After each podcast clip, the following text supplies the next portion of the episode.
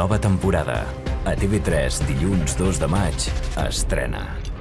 Carles Porta, presentador de Crims de TV3. Què tal, com estàs? Moltes gràcies per estar amb nosaltres. Bé, molt content, molt cansat i molt content. Gràcies a vosaltres.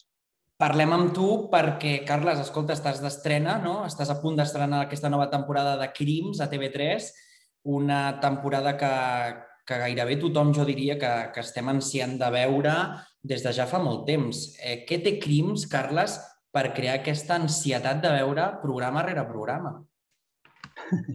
No ho sé, això m'ho de dir vosaltres. Uh, no sé, jo diria que ho fem bé, no? Deu sé que ho fem bé, que, que és un bon producte i a la gent agrada, però això de després de tant temps és molt relatiu, eh? perquè vam fer els quatre capítols del crim de la Guàrdia Urbana a setembre-octubre de l'any passat i costa moltíssim fer cada capítol de crims.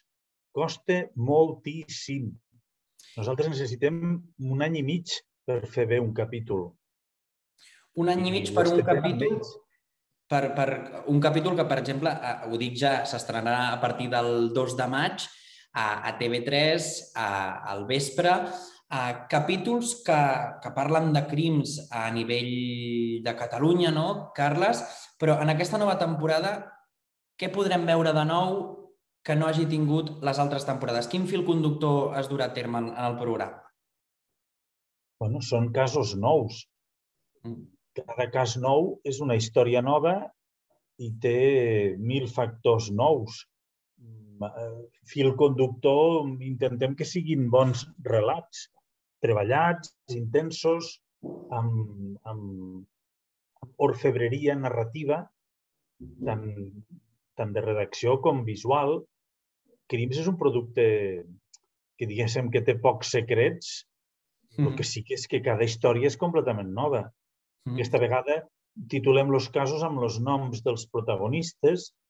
Farem Kevin, farem Isidre, farem Marina, farem o Manoli, farem Sònia, farem Iaia Anita, que no és ben bé el nom dels protagonistes, però de seguida s'entendrà perquè ho titulem així, i després farem La noia de Portbou, amb sorpreses molt importants.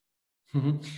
uh, alguna novetat que ens vulguis avançar d'aquesta temporada, Carles? Perquè normalment no avances gaires detalls de la temporada, per això t'ho dic, eh? però però és que la, la... A veure, comencem amb un segrest. Hi ha Mm. molta gent que diu sempre hi ha d'haver morts. No, no hi ha d'haver morts. El que fem és explicar grans històries i el primer cas és un segrest, que és un thriller molt intens. Mm. Nosaltres partim del periodisme per anar cap al cinema. Partim del periodisme per anar cap a la literatura i el cinema. I en aquest cas explorem un thriller tipus 24 hores, allò del Shutterland, doncs mira, intentarem donar intensitat i sigui un thriller que atraqui molt i a veure si agrada. El cas és que a partir del 2 de maig a TV3 començareu a, a tornareu, de fet, a posar llum a la foscor, com, com dius tu en totes les introduccions. Aquesta frase eh, és com que et persegueix molt, no, Carles, suposo? és com que... Bueno, és, és una frase meua i un dia la fas i no te'n dones compte, no saps, no ets conscient que al cap dels anys serà, jo què sé, una frase de, de paret, no? una frase feta ja. Probablement un dia algú, el nou Pompeu Fabra, farà un llistat de frases fetes i inclourà posar llum a la foscor. Frase que va dir el carallot aquell del Carles Porta al seu programa. Aquesta frase va néixer de quan jo vaig fer el primer dossier per presentar el programa a Catalunya Ràdio i a TV3, jo deia que havíem d'explicar la part fosca de la nostra societat. I per explicar la part fosca s'hi ha de posar llum. I d'aquí ve la frase posar llum a la foscor, que a més a més és una metàfora narrativa. No? Aclarim conceptes. Què ha passat? Posem llum a la foscor. D'aquí ve la frase. I és la gent sou vosaltres que l'heu fet gran i l'heu fet probablement immortal. Carles, ara, si et sembla, més endavant parlarem sobre, sobre aquesta voràgina de seguidors en aquest programa, que suposo que no te l'esperaves, però um, ho deies abans, no? utilitzeu el periodisme per anar cap al cinema, però sempre un periodisme rigorós, eh, contrastat. Eh, com ho feu des de, des de la redacció de, del, del Crims per no caure en, en el, la catàstrofe, en, en, en anar més enllà de, de lo rigorós, no? que propi de moltes altres cadenes com, com, eh, com bé saps. No? Com ho feu per, per seguir aquesta línia tan rigorosa i contrastada a nivell de periodisme? Nosaltres intentem seguir el que jo en dic la regla de les tres R's, que és rigor, respecte i ritme narratiu. Rigor perquè vull que cada dada, cada informació que surti als nostres capítols estigui totalment contrastada i sigui totalment certa. Això ens dona credibilitat. Eh, la serietat et dona credibilitat. La gent confia en nosaltres. Respecte perquè és molt important que respectem mm, a totes les persones que ens expliquen la seva història i sobretot respectem a les víctimes i als seus familiars, però respectem a tothom que surt als nostres programes. Si no fóssim respectuosos, no tindríem la transversalitat que tenim, no tindríem la globalitat que tenim. Li agradem a molta gent molt diversa. I ritme narratiu, perquè al final el que volem és agradar i per això hem de tenir qualitat narrativa i això vol dir posar el ritme adequat al moment adequat. Jo crec que sense aquests tres factors no, no arribaríem a tanta gent. Seríem minoritaris. Llavors, dintre del respecte, hi ha una cosa que intentem, que és satisfer la curiositat de la gent, no el morbo. Nosaltres no som morbosos, fugim del morbo, ni amb les imatges ni amb les frases. Llavors, amb les descripcions i amb tot plegat, sempre intentem aplicar el mínim necessari. Quins són els elements que són bàsics per entendre aquell crim i aquelles circumstàncies? I aparquem i aparquem lo morbo. I això és el que crec que ens fa que agradem a gent tan diversa. Si no, seríem minoritaris. Mm. Carles, en una entrevista al País vas dir eh, fa uns anys eh, que som una societat que menys té la víctima. Segueixes mantenint aquest, eh, aquest, aquesta, aquest titular? Sí, la nostra societat només s'aproxima a l'èxit i associem la víctima a fracàs, amb algú que li ha passat una desgràcia, fins i tot algú que s'ha arruïnat, o algú a qui li han matat algú de la família o així, ho associem a fracàs. I no és cert. No és cert. El fracàs és del culpable, no de la víctima. Però, en canvi, nosaltres com a societat i el sistema en particular, és a dir, policies, jutges, fiscals, menys tenen a les víctimes. I això és molt lleig com a societat, ens empobreix molt com a societat a mi és una de les coses que més m'obsessiona, tractar bé a les víctimes i a les seves famílies, amb respecte, perquè veguin que, que nosaltres també som respectuosos cap als fets i intentem acompanyar aquestes víctimes. Intentem que aquestes persones que han tingut aquest trauma a la seva vida veguin que els comprenem i que estem al seu costat, explicant aquells fets, fets que són públics i que molta gent coneix i que es van viure el dia que van passar, no? Però nosaltres ara expliquem aquestes històries intentant acompanyar aquestes víctimes perquè la nostra societat tendeix fins i tot a criminalitzar a les víctimes. I això no està bé. Carles, parlem de víctimes, però m'agradaria saber com s'ha de tractar l'altra banda, és a dir, els assassins, els que cometen aquests crims. Amb respecte, és el que nosaltres fem, amb respecte pels fets, perquè sense aquells fets no estaríem parlant ni de víctima ni d'assassí, d'un cas concret, i amb respecte per la seva intimitat, tenint en compte que hi ha unes circumstàncies que són les que van influir mm, a l'hora de, de cometre aquell crim. Llavors, mm, aquests fets i aquestes circumstàncies jo crec que són públiques però n'hi ha unes altres que són privades, que són íntimes i que no tenim per què explicar, què és el que fem. Eh? Però això és respecte, és una qüestió de respecte, ja està. El primer capítol de la primera temporada recordo que eh, el títol va, del primer capítol va ser Per què matem? Eh, T'ho pregunto ara, per què matem? És a dir, per què matem a les persones que estimem eh, des del teu punt de vista a nivell de, de l'experiència que tens en el programa? Eh? Eh, per què matem, Carles? Jo no m'he considerat mai, i menys ara, un expert en sociologia o criminologia. Jo sóc un narrador.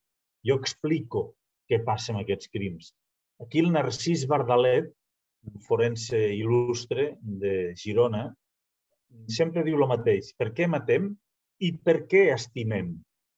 Probablement cada persona té els seus motius o les seues circumstàncies i tant per estimar com per matar. Cada cas és un cas diferent.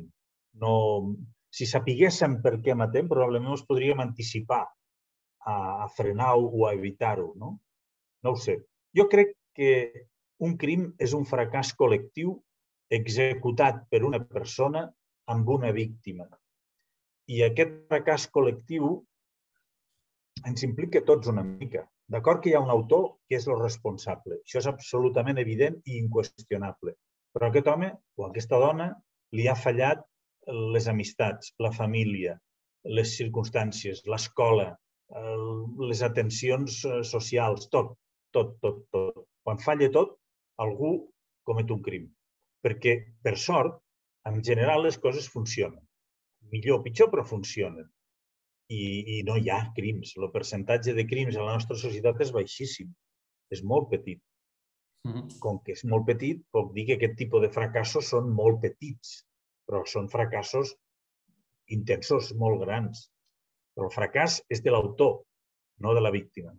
La víctima ha tingut mala sort unes circumstàncies doncs, que l'han situat en un lloc i en unes circumstàncies determinades molt complicades d'analitzar. Però t'estic responent una miqueta més per sense massa passió, eh? perquè de veritat que no em correspon a mi analitzar això. No, jo no sóc un expert en això. Dius que no ets un expert, però de fet ets només un narrador, això ho has dit tu ara, ara mateix, però eh, clar, aquests capítols que vosaltres emeteu a través de crims eh, tenen, traspassen moltes vegades, com per exemple el cas de l'Helena Jovany, traspassa el fet el simple fet de ser un programa de televisió, sinó que eh, es va reobrir el cas gràcies a l'emissió del vostre capítol. Clar, això com ho entomeu des de l'organització, des, de, des de la producció d'aquest programa? Per nosaltres és una gran satisfacció. És allò que diu aquell, me llena d'orgull i satisfacció, però la veritat és que no era el que buscàvem. Però si mentre expliquem la història i per explicar la història hem d'investigar i trobem coses, evidentment que les expliquem i les diem.